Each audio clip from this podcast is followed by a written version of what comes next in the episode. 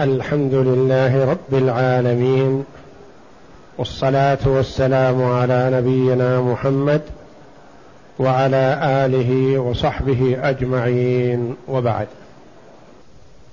بسم الله بسم الله الرحمن الرحيم. قال المؤلف رحمه الله تعالى ما هي مخارج الفروض من الأصول المذكورة? يقول رحمه الله ما هي مخارج الفروض من الأصول المذكورة؟ الفروض هي فرض النصف والربع والثمن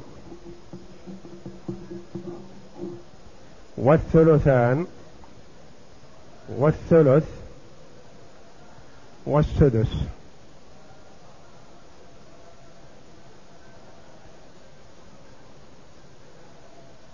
وثلث الباقي.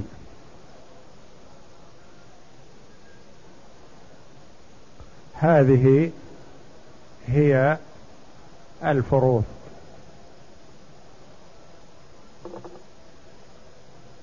النصف ونصفه ونصف نصفه.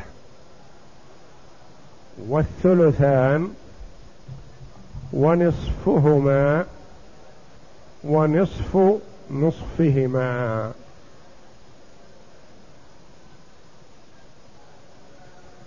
والسابع ثلث الباقي. هذه هي الفروض. والثابتة بالكتاب والسنة هي الستة. وثلث الباقي ثبت باجتهاد الصحابة رضي الله عنهم.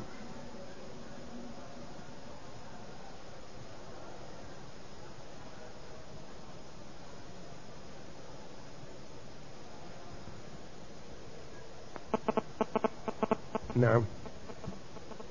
مخرج كل فرض سميه إلا النصف فمخرجه اثنان فالنصف وحده كزوج وعن أو النصفان كزوج وشقيقة نعم. أو لأب من اثنين للزوج النصف واحد وللأخت النصف. يقول مخرج كل فرض من سمية. إلا النصف لأن النصف ليست الاثنين ليست الاثنان سمية له. مخرج كل فرض الربع من أربعة الثمن من ثمانية السدس من ستة الثلثان من ثلاثة. الثلث من ثلاثة وهكذا. هذا مخرج كل فرض من سمية. مسألة ليس فيها إلا ربع مخرجها من أربعة. مخرج الربع من أربعة. فيها ثمن مخرج الثمن من ثمانية. فيها ثلثان من ثلاثة. فيها ثلث من ثلاثة. فيها سدس من ستة. هذا معنى قول المؤلف رحمه الله مخرج كل فرض من سمية إلا النصف. لأن النصف ما له سمي. الثلث ثلاثة والثلثان ثلاثة والربع أربعة والثمن ثمانية والسدس ستة. هذا سميه. لكن النصف ما له سمي مقابله. وإنما مخرجه من اثنين. من اثنين.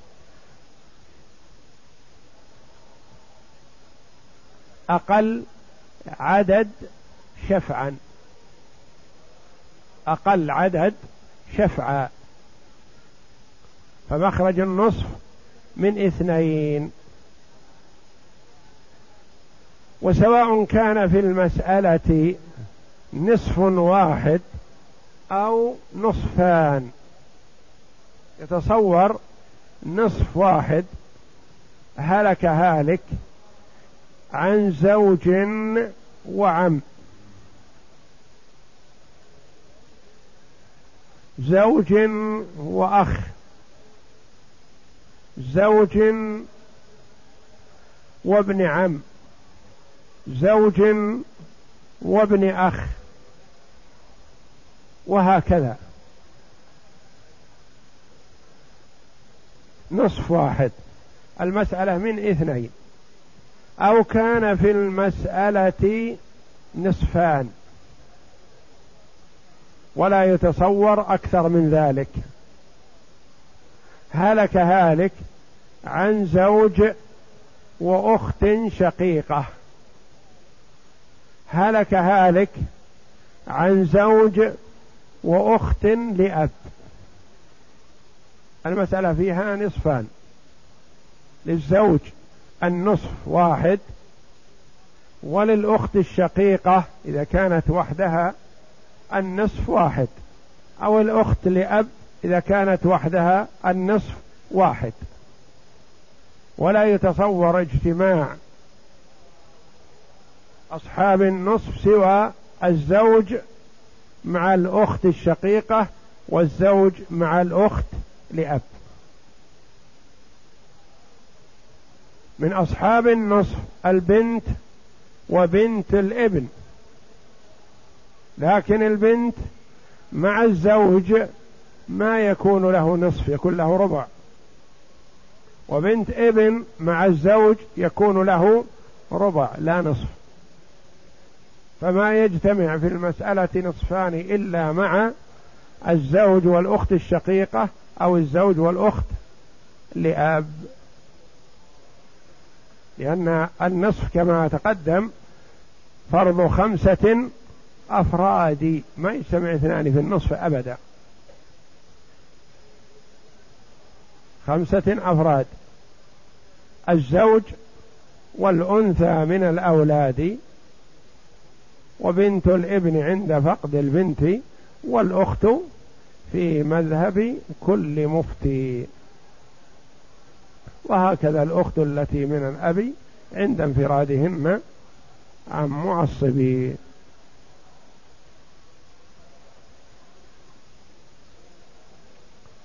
فإذا كان في المسألة نصف فقط فمخرج النصف من اثنين. سواء كان نصف واحد أو كان فيها نصفان.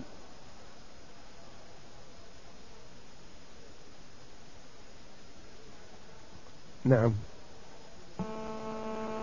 والثلث وحده كأم وعم والثلثان وما بقي كأختين شقيقتين وعم أو الثلث والثلثان كأختين شقيقتين وأختين لأم من ثلاثة للشقيقتين الثلثان اثنان وللأخوات لأم الثلث واحد. والثلث وحده. أو الثلثان وحدهما. أو الثلثان والثلث كل هذا مخرجه من ثلاثة سواء كان ثلث فقط أو ثلث وثلثان أو ثلثان فقط.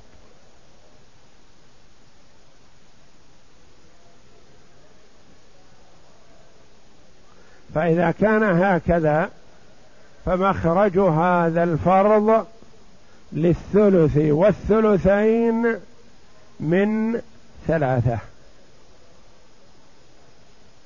ثم مثل. الثلث وحده كأم وعم. هلك هالك عن أم وعم. المسألة من ثلاثة للأم الثلث واحد وللعم الباقي. هلك هالك عن أم وأخ. المسألة من ثلاثة كذلك. هلك هالك عن أم وابن أخ. هلك هالك عن أم وابن عم. هلك هالك عن أم وابن ابن أخ. أو ابن ابن عم وهكذا. فالمسألة من ثلاثة.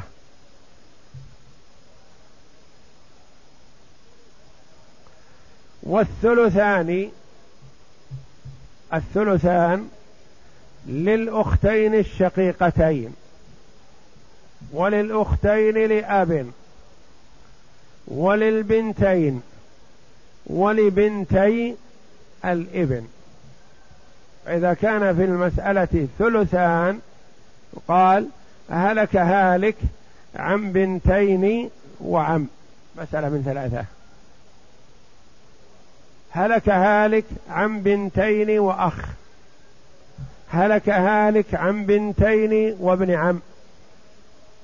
أيا كان العاصب مع الثلثين. أو هلك هالك عن بنتي ابن وعم. هلك هالك عن بنتي ابن وابن ابن ابن عم. وهكذا. ثلث وحده من ثلاثة. ثلثان وحدهما من ثلاثة. والثلث لا يلزم أن يكون للأم. كأن يكون هلك هالك عن أختين لأم أو أخوين لأم أو خمسة أو عشرة أو خمسة عشر إخوة لأم. المسألة من ثلاثة. لأن أولاد الأم إذا زادوا عن الواحد فلهم الثلث.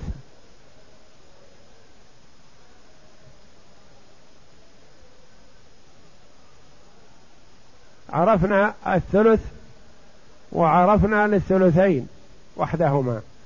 قد يجتمع ثلثان وثلث. وكذلك من من ثلاثة. ثلثان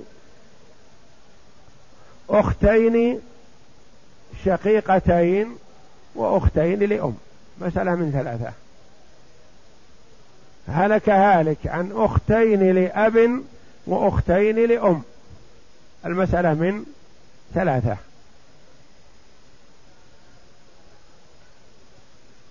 فيجتمع ثلثان للأخوات لأب أو شقيقات والثلث للأم.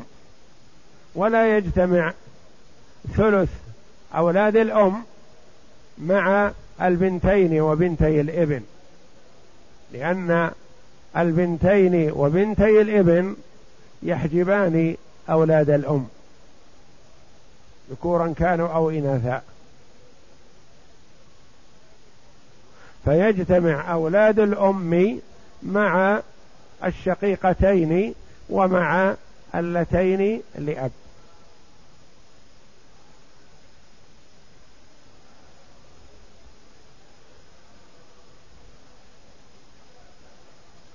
هذه أحوال الثلث.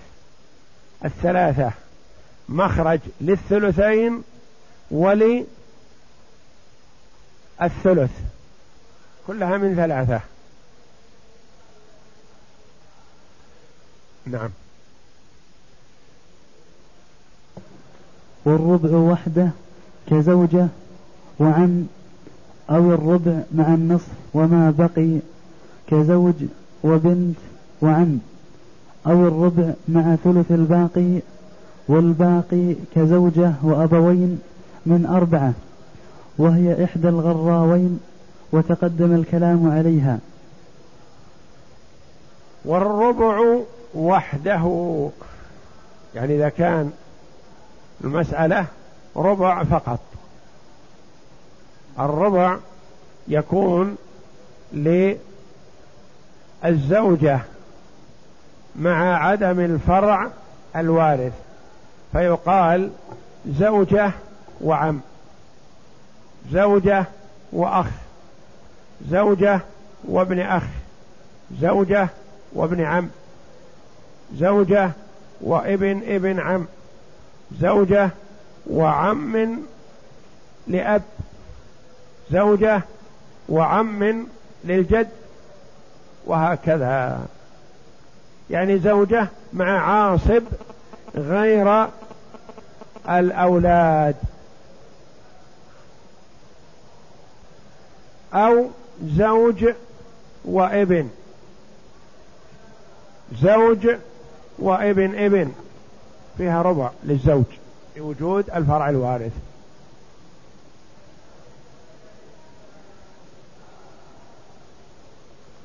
وكذلك إذا اجتمع الربع والنصف.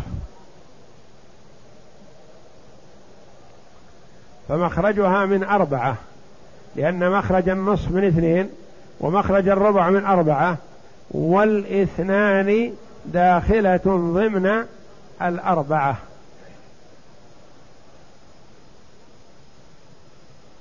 أو الربع والنصف مثل زوج وبنت فيها ربع ونصف.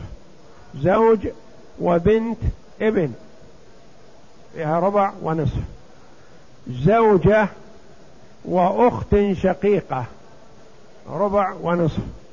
زوجة وأخت لأب ربع ونصف وهكذا.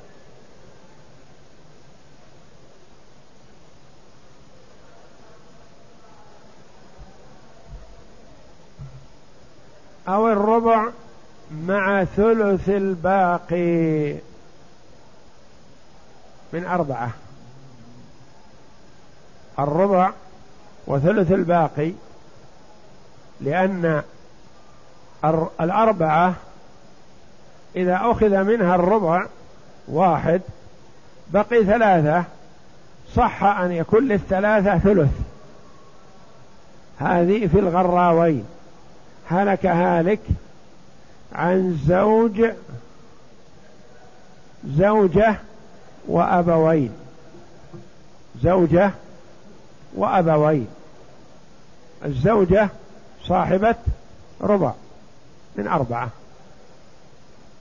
والأبوان ما بقي بينهم للذكر مثل حظ الأنثيين. فيقال ربع وثلث الباقي من أربعة. للزوجة الربع واحد والباقي ثلاثة. للأم ثلث الباقي. واحد من الثلاثة الباقية. وللأب الباقي.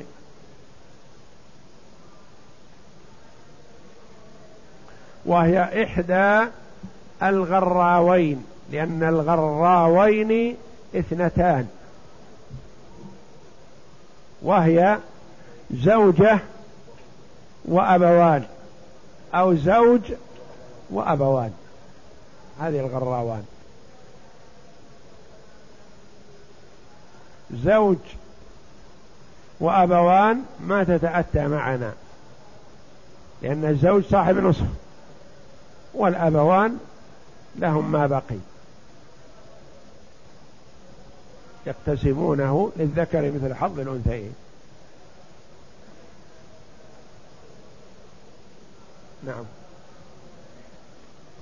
والسدس وحده كجدة وعم أو السدس مع النصف كجدة وبنت وعم أو السدس والثلث كجدة وأخوين لأم وعم أو السدس مع الثلثين كجدة وبنتين وعم أو سدسان كجدة وأخ لأم وعم أو السدس مع نصف وثلث كجدة وشقيقة وأختين لأم أو مع نصف وسدسين كجدة وشقيقة وأخت لأب وأخت لأم وعم أو سدسان وثلثان كبنتين وأبوين الجميع من ستة. والسدس وحده. يعني إذا كان في المسألة سدس فقط. مثلا هالك عن جدة وعاصب أيا كان. ابن أو ابن ابن أو أخ شقيق أو أخ لأب أو ابن أخ شقيق أو ابن أخ لأب أو عم شقيق أو عم لأب أو ابن عم شقيق أو ابن عم لأب. إذا كان في المسألة سدس فقط وباقي فالمسألة من ستة. أو سدس مع النصف. زوج وجدة. مثلا وباقي. أخت شقيقة وجدة.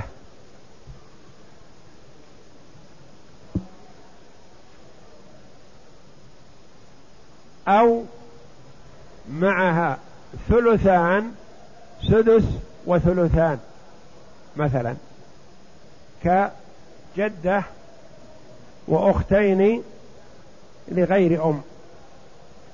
أم وأختين لغير أم. أو سدس وثلثان وثلث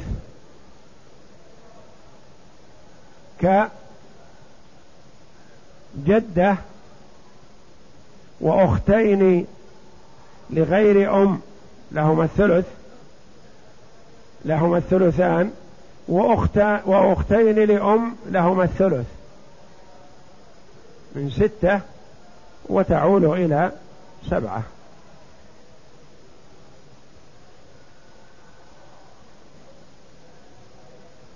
فسواء كان فرضا واحدا السدس أو فيها أكثر من سدس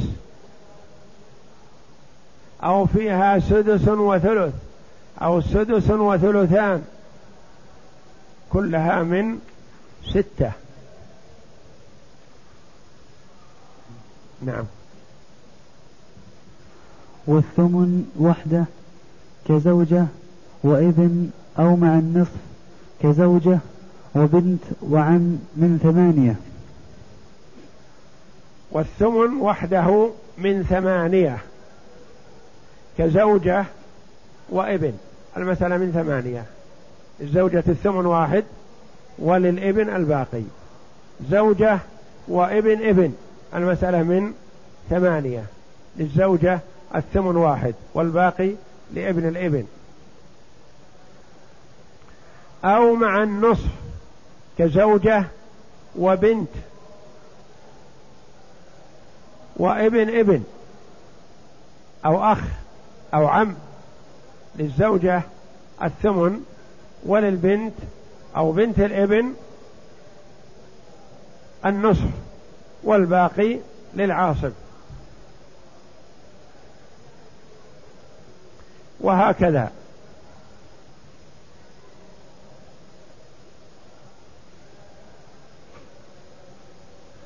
فإذا كان في المسألة فرض واحد فقط فمخرجه من سميه سوى النصف فمن اثنين. فإن كان في المسألة فرضان أو أكثر فلا يخلو. إما أن يكون الفرضان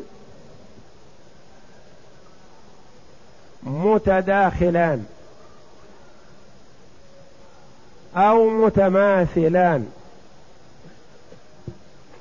أو ليس كذلك.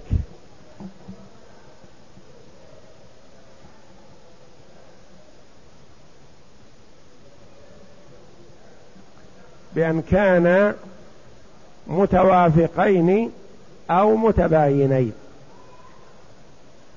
أربعة أحوال. إذا كان في المسألة أكثر من فرض فلا يخلو إما أن يكونا متماثلين مثلا نصف ونصف. فيها فرضان نصف ونصف. هذه تسمى متماثلين.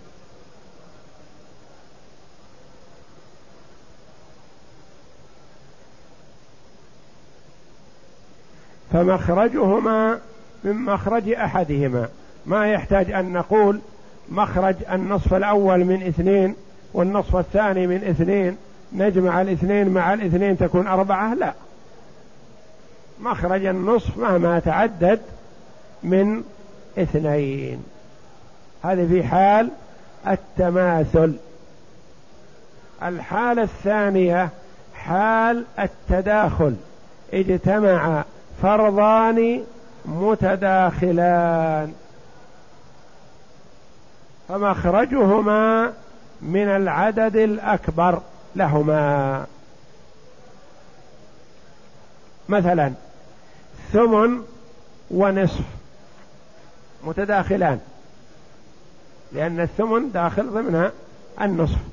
ومخرج النصف من اثنين ومخرج الثمن من ثمانية والإثنان ضمن الثمانية.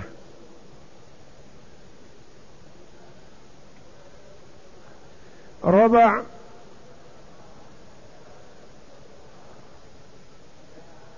ونصف. متداخلان. مخرج الربع للزوجة مثلا من أربعة. ومخرج النصف للأخت الشقيقة مثلا من اثنين. والاثنان داخلة ضمن الأربعة. هذه تسمى متداخلة. المتماثلة سوا سواء. المتداخلة العدد الأكبر أو النصيب إذا كان هناك نصيب أكبر داخل ضمن العدد النصيب الأقل الذي مخرجه أكثر. مثلا آه، النصف مع الثمن مثلا الثمن للزوجة والنصف للبنت. هذه تسمى متداخلة. الثلث مثلا للأم السدس لولد الأم مخرج الثلث من ثلاثة ومخرج السدس من ستة. الثلاثة داخلة ضمن الستة.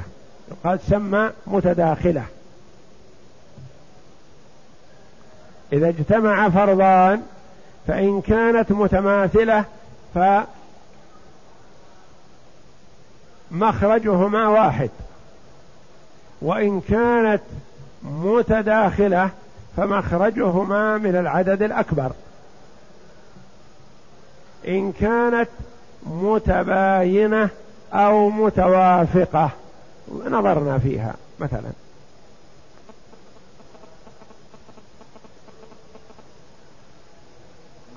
فمثلا إذا صار في المسألة ربع وسدس. الربع مع السدس ليس ليس متداخلين ولا متماثلين. فننظر بينهما. مخرج الربع من أربعة ومخرج السدس من ستة. بينهما موافقة بالنصف. هذه لها نصف وهذه لها نصف. فنضرب نصف أحدهما في كامل الآخر فيخرج مخرجهما من اثني عشر. اثنين في ستة باثني عشر أو ثلاثة في أربعة باثني عشر.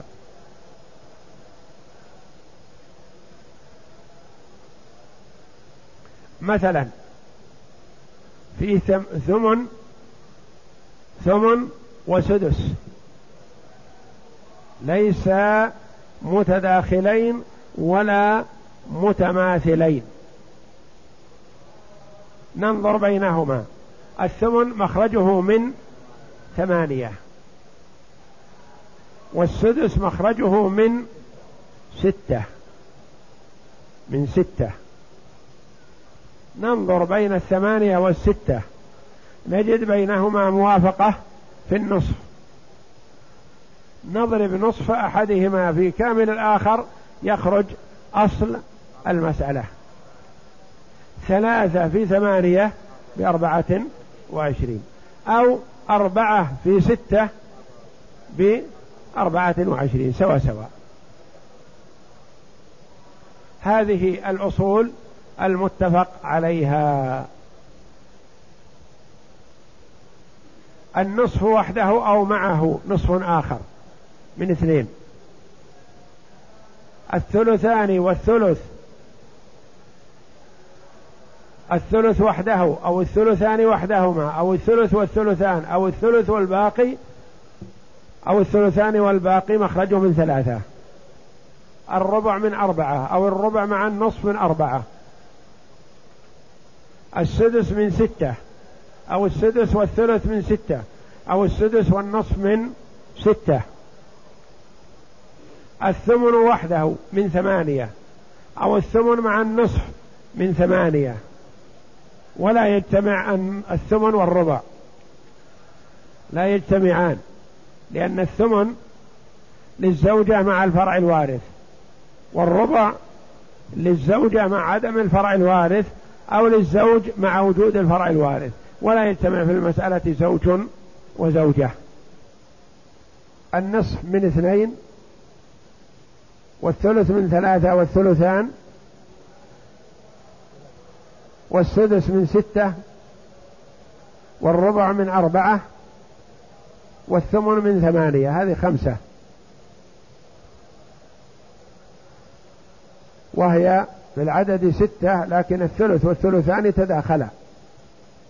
بقي اثنان من الأصول المتفق عليها وهي أصل اثنى عشر وأصل أربعة وعشرين. هذه إذا اجتمع فرضان غير متداخلين ولا متماثلين. سدس وربع أو ثلث وربع من اثني عشر. وسدس وثمن أو ثلث وثمن من أربعة وعشرين. بقي من الأصول المختلف فيها أصل ثمانية عشر وأصل ستة وثلاثين.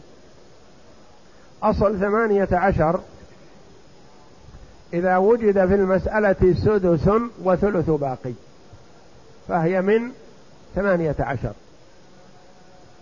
إذا وجد في المسألة سدس وربع وثلث باقي فهي من ستة وثلاثين. اقرأ. وكل مسألة فيها ثلث وربع كزوجة وأم وعم أو فيها ربع وسدس كزوجة وجدة وعم أو ربع وسدسان كزوج وأبوين وإبن أو ربع وثلث وسدس كزوجة وأم وأخ لأم وعم أو ربع ونصف وسدس كزوج وبنت وبنت ابن وعم أو ربع وثلثان كزوج وبنتين وعم. فهي من اثني عشر. هذه إذا اجتمع أكثر من فرض ولم تكن متداخلة ولا متماثلة فأصلها من أربع من اثني عشر. في هذه الأحوال التي عرضها المؤلف رحمه الله. وإذا كان فيها ثمن وفرض آخر غير داخل ضمنه فهي من أربعة وعشرين. الثمن مع فرض يدخل ضمنه مثلا كالثمن والنصف هذه من ثمانية. لكن إذا كان فيها ثمن مثلا وسدس ثمن وسدس فهي لا تصح من اثني عشر وإنما تكون من أربعة وعشرين. إذا كان فيها ربع وفرض آخر كسدس أو مضاعفة فمن اثني عشر. وإذا كان الثمن بدل الربع فمن أربعة وعشرين. نعم. وكل مسألة فيها ثمن وسدس كزوجة وجدة وإبن أو ثمن وثلثان كزوجة وبنتين وعم أو ثمن وسدسان كزوجة وأبوين وإبن أو ثمن وثلثان وسدس كزوجة وبنتين وأم وعم. فهي من أربعة وعشرين. نعم. وكل هذه كملت بهذا الأصول المتفق عليها. أصل اثنين وثلاثة وأربعة وستة وثمانية واثني عشر وأربعة وعشرين. بقي الأصول المختلف فيها التي أثبتها المحققون ونفاها الجمهور. المحققون من الفرضيين قالوا أصل ثمانية عشر وستة وثلاثين أصلان. الجمهور جمهور العلماء قالوا ليس أصلين وإنما هما مصحان فقط. لأن ثلث الباقي لم يرد في كتاب الله ولا في سنة رسول الله صلى الله عليه وسلم وإنما ثبت باجتهاد الصحابة. المحققون قالوا ثلث الباقي تابع لما قبله فإذا كان في المسألة مثلا سدس وثلث باقي فهي من ثمانية عشر. إذا كان في المسألة سدس وربع وثلث باقي فهي من ستة وثلاثين. نعم. وكل مسألة فيها سدس وثلث ما بقي وما بقي. انتبه للفرق ثلث ما بقي وبق وما بقي. مثل أصل ثمانية عشر. ثمانية عشر خذ منها أول شيء السدس. كم السدس الثمانية عشر؟ ثلاثة. كم يبقى؟ خمسة عشر. خمسة عشر نأخذ منها ثلثها وهو خمسة. يبقى عشرة. والباقي للعشرة لأصحابها. قلوا أو كثروا. المهم أن يخرج منها ثلث الباقي. سدس ثم ثلث الباقي. والباقي لا يهمنا. اشترك فيه ثلاثة أو ثلاثون. فإن كان في المسألة أكثر من ذلك سدس وربع وثلث باقي فهي من ستة وثلاثين. ستة وثلاثين نأخذ منها السدس. كم؟ مثلا ستة. نأخذ منها الربع. ربع الستة. ربع الستة والثلاثين. كم؟ تسعة. ربع الستة وثلاثين تسعة. تسعة مع الستة كم؟ خمسة عشر. كم يبقى من الستة والثلاثين بعد أخذ خمسة عشر؟ يبقى واحد وعشرون. هذا هو القصد أنه يخرج لها ثلث باق بعد استخلاص الفروض. صار الباقي بعد استخلاص الفرضين واحد وعشرون. واحد وعشرون لها ثلث. الحمد لله هذا قصدنا. ونوصلها إلى ست وثلاثين لأجل أن نأخذ منها الفرض الأول والفرض الثاني. ويبقى بعد الفرضين شيء له ثلث. لأنه لو بقي عشرون ما استفدنا شيء. ما صحت. بقي اثنان وعشرون ما صحت. وإنما نريد أن نستخلص منها الفرضين الربع والسدس ويبقى عدد له ثلث لنستخلص ثلث الباقي الذي هو للجد. نعم. وكل مسألة فيها سدس وثلث ما بقي وثل وما بقي فهي من ثمانية عشر كجدة وجد وخمسة إخوة أشقاء فالمسألة من ثمانية عشر. للجدة السدس والأحظ للجدة السدس ثلاثة. والأحظ للجد ثلث الباقي لأنه قاسم الأخوة خمسة أكثر منه بكثير. فأحظ له أن يأخذ ثلث الباقي. الباقي كم؟ خمسة عشر بعد السدس. كم نعطيه؟ خمسة. يبقى عشرة. نقسمها بين الإخوة. قلوا أو كثروا ما داموا خمسة كل واحد يأخذ اثنين. نعم. والأحظ للجد ثلث الباقي خمسة والباقي للأخوة. نعم. وكل مسألة فيها سدس وربع وثلث. هي نفسها إلا أن فيها سدس وربع. الأولى فيها سدس فقط. وثلث باقي. هذه فيها سدس وربع وثلث باقي. يعني فيها صاحب سدس. سواء كان أم أو جدة مثلا. أولاد الأم ما يريدون هنا ولد الأم لأنه يسقطه الجد. لكن أم تأخذ السدس مع وجود الجنب من الإخوة أو جدة تأخذ السدس. نعم. ثم بعد السدس يكون في المسألة ربع والذي يأخذ الربع في هذه المسألة هو الزوجة أو الزوجات. مع عدم الفرع الوارث.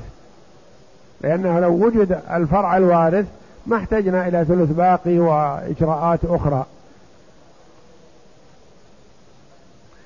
فزوجة وجدة أو أم تكون من ستة وثلاثين. صاحب السدس يأخذ السدس ستة وصاحب الربع يأخذ الربع تسعة تسعة و ستة خمسة عشر. خمسة عشر من ستة وثلاثين كم يبقى؟ واحد وعشرون. واحد وعشرون لها ثلث الباقي. نعطي ثلث الباقي وهو سبعة للجد والباقي يأخذه الإخوة. نعم. وكل مسألة فيها سدس وربع وثلث باقي وباقي فهي من ستة, من ستة وثلاثين. مثاله أم وجدة وجد أم وزوجة وجد وسبعة إخوة أشقاء فالمسألة من ست وثلاثين.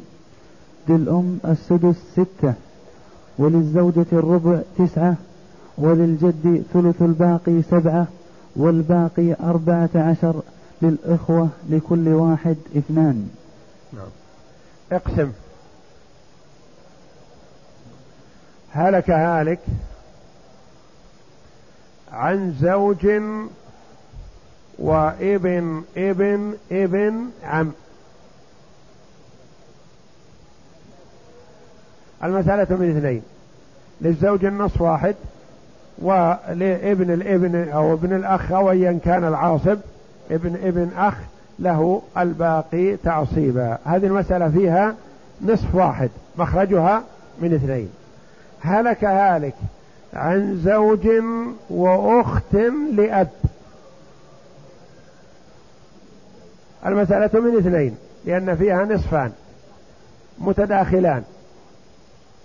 للزوج النصف واحد وللأخت لأب النصف واحد وما بقي شيء. وش تسمى هذه المسألة؟ عادلة. تسمى عادلة. هلك هالك.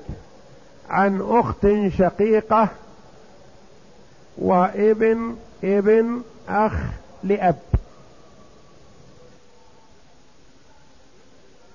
المسألة من اثنين. للأخت الشقيقة النصف واحد ولابن الابن الأخ له الباقي. وهذه تسمى ناقصة لأن فيها باقي. هلك هالك عن أم وإبن إبن إبن عم.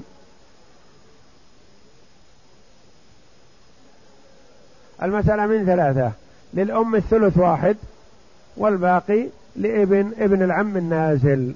وهذه تسمى تسمى ناقصة لأن في عاصب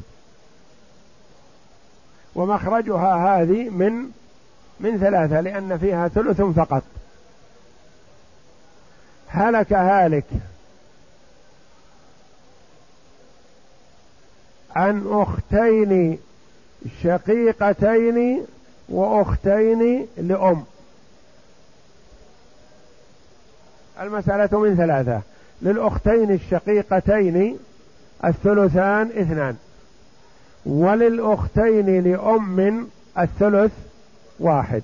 وهذه مسألة فيها فرضان متداخلان أو فأصلهما متماثلان لأن مخرج الثلث من ثلاثة ومخرج الثلثين من ثلاثة فهي واحد.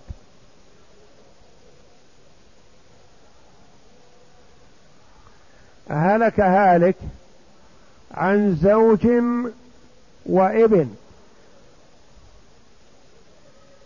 المسألة من أربعة. للزوج الربع واحد والباقي للابن. هذه قلنا مخرجها من أربعة لما لأن فيها ربع واحد. وهذه تسمى عادلة أم ناقصة أم عائلة؟ ناقصة لأن في باقي للعاصب والربع مخرج الربع الأربعة عرفنا أنها لا تتأتى إلا ناقصة ما تتأتى كاملة. وكذلك الثمانية ما تتأتى إلا ناقصة.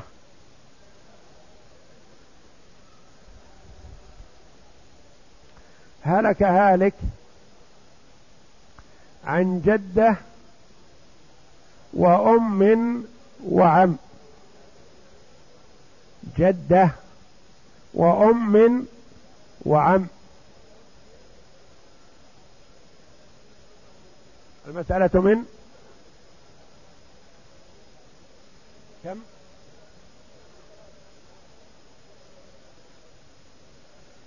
جدة وأم وعم. من ثلاثة أحسنت. المسألة من ثلاثة نعم. اقسم. للأم الثلث واحد وللعم الباقي والجدة تسقط بالأم.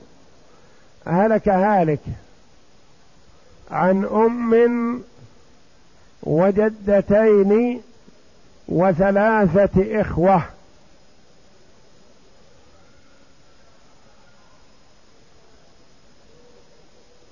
المسألة من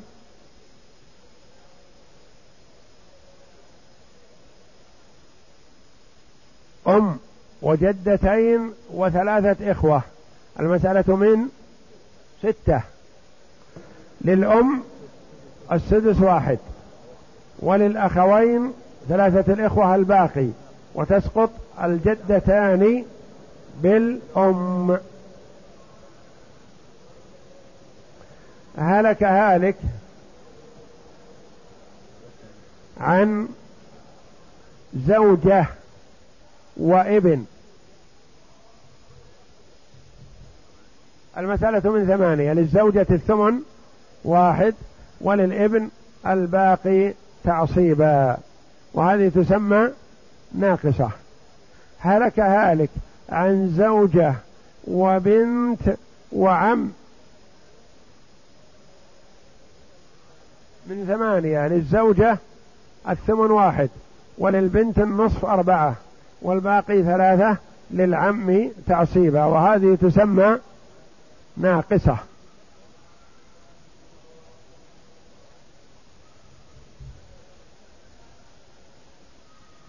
هلك هالك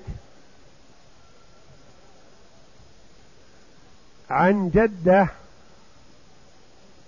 وزوجه وعم. انظر فيها فرضان فرضان ليسا متماثلين ولا متداخلين. من اثني عشر. من اثني عشر لأن مخرج السدس من ستة ومخرج والزوجة لها الربع مخرج الربع من أربعة والسدس والستة والأربعة بينهما توافق في النصف. فنصف أحدهما يضرب في كامل الآخر يخرج أصل المسألة. هلك هالك عن جدة وجد وعشرة إخوة أشقاء المسألة من ثمانية عشر. للجدة السدس ثلاثة. وللجد ثلث الباقي خمسة من خمسة عشر. وللإخوة العشرة الباقي لكل واحد منهم واحد. هلك هالك. عن بنتين وزوجة وعم.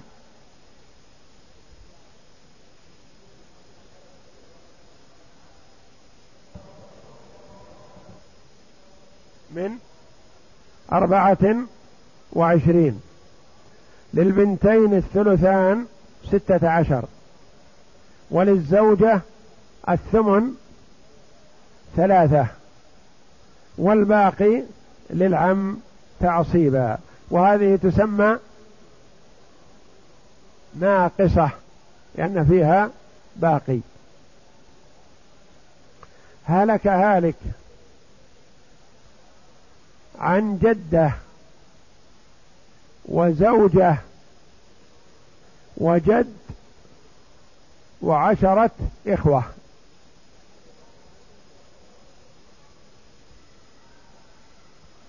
المسألة من ستة وثلاثين.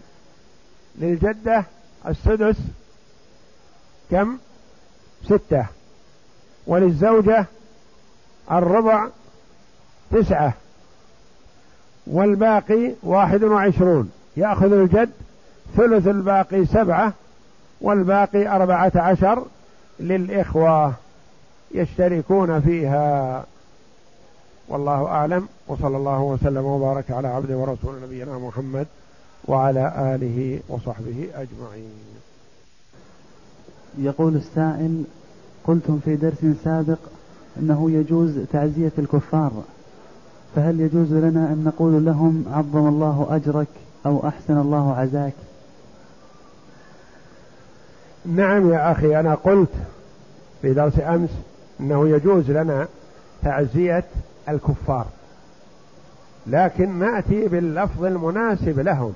لا نقول عظم الله أجركم لأنه ليس لهم أجر ولا نقول غفر الله لميتكم لأن الميت الكافر لا يغفر له. وإنما نقول أحسن الله عزاكم. نعم أحسن الله عزاكم. أو جبر الله مصيبتكم. يصح. لكن ألفاظ تقال للمسلم ولا تقال للكافر. وألفاظ تقال للمسلم والكافر. جبر المصيبة مثلا إذا كان من الكفار من أهل الذمة عندنا وغير مؤذن للمسلمين. نقول أحسن الله عزاكم. نقول جبر الله مصيبتكم. لكن لا نقول عظم الله أجركم ولا نقول غفر الله لميتكم لا. نأتي باللفظ المناسب لهم. المسلم ندعو له ولميته. وإذا عزينا الكافر في مسلم دعونا للميت والحي. إذا عزينا الكافر في أخيه المسلم مثلا قلنا أحسن الله عزاءك وغفر الله لميتك لأنه مسلم أخونا. عزينا الكافر في كافر. نقول أحسن الله عزاكم وجبر الله مصيبتكم. نعم هذا يتأتى لكن لا ندعو للميت ولا ندعو لهم بعظم الأجر. عزينا مسلما بكافر. نقول عظم الله أجرك وجبر الله مصيبتك. ولا نقول غفر الله لميتك لأن ميته كافر. وإنما ندعو لأخينا المسلم بأن يجبر الله مصيبته وأن يعظم أجره بصبره واحتسابه على فقد قريبه. وهكذا يسأل الأخ عن الاستمرار في العمل أو الانقطاع عن العمل وملازمة الدروس العلمية التي يستفيد منها. ونقول لا يخلو. إن كان في حاجة إلى هذا العمل وراتبه التقاعدي إذا تقاعد لا يكفيه فننصحه بالاستمرار في العمل لأن العمل والكسب الحلال مع النية الطيبة يؤجر عليها العبد. فمثلا إذا كان راتبه التقاعد لا يكفيه وسيأخذه وينظر للآخرين ليساعدوه. فنقول لا يا أخي استمرارك في عملك واستلام الراتب كاملا تستعين به على طاعة الله هذا خير لك. وأما إذا كان راتبه التقاعدي يكفيه أو أنه ممكن بعد تقاعده أن يعمل عملا آخر يستفيد منه ما يكفيه ولن يحتج إلى الآخرين فطلب العلم لا يعدله شيء. التفرغ لطلب العلم لا يعدله شيء. أفضل من جميع الأعمال النوافل. لأن طلب العلم نفعه يتعدى. يقول الإمام أحمد رحمه الله طلب العلم لا يعدله شيء. فطالب العلم يعبد الله على بصيرة. طالب العلم يستفيد منه كل من حوله من أهل أولاد بنين بنات زوجات خدم عمال إخوان زملاء. بشرط أن يكون يعطي مما عنده ينفع. لا يكون علمه مقتصر عليه وحده يخجل أو يستحي من أن يبين ما عنده من العلوم فيبين ويحتسب. معلم الناس الخير تدعو له حتى النملة في جحرها وحتى الحوت في البحر يستغفرون له. فلذا كان طلب العلم لا يعدله شيء. ففرق بين أن يتفرغ لطلب العلم ويحتاج للآخرين نقول لا يا أخي. الغنى عن الآخرين مطلوب شرعا. أما إذا تفرغت لطالب علمي ولن تحتج للغير لا تسأل الناس ولا تحتج إلى ذلك فهذا لا يعدله شيء تفرغك لطلب العلم عبادة. الملائكة تضع أجنحتها لطالب العلم رضا بما يصنع. ومن خرج في طلب العلم فهو في سبيل الله لو مات فله شهادة. يقول السائل هل يجوز أن أعطي الزكاة؟ ابن أخي. يقول هل يجوز أن أعطي الزكاة ابن أخي؟ نعم إذا كنت لا ترثه بأن كان له إخوة أو لا أبوه موجود وأنت لا ترثه فتعطيه من زكاتك. أما إذا كنت ترثه لو مات لأنه لا يوجد له أقرب منك فأنت لا تعطيه من الزكاة لأن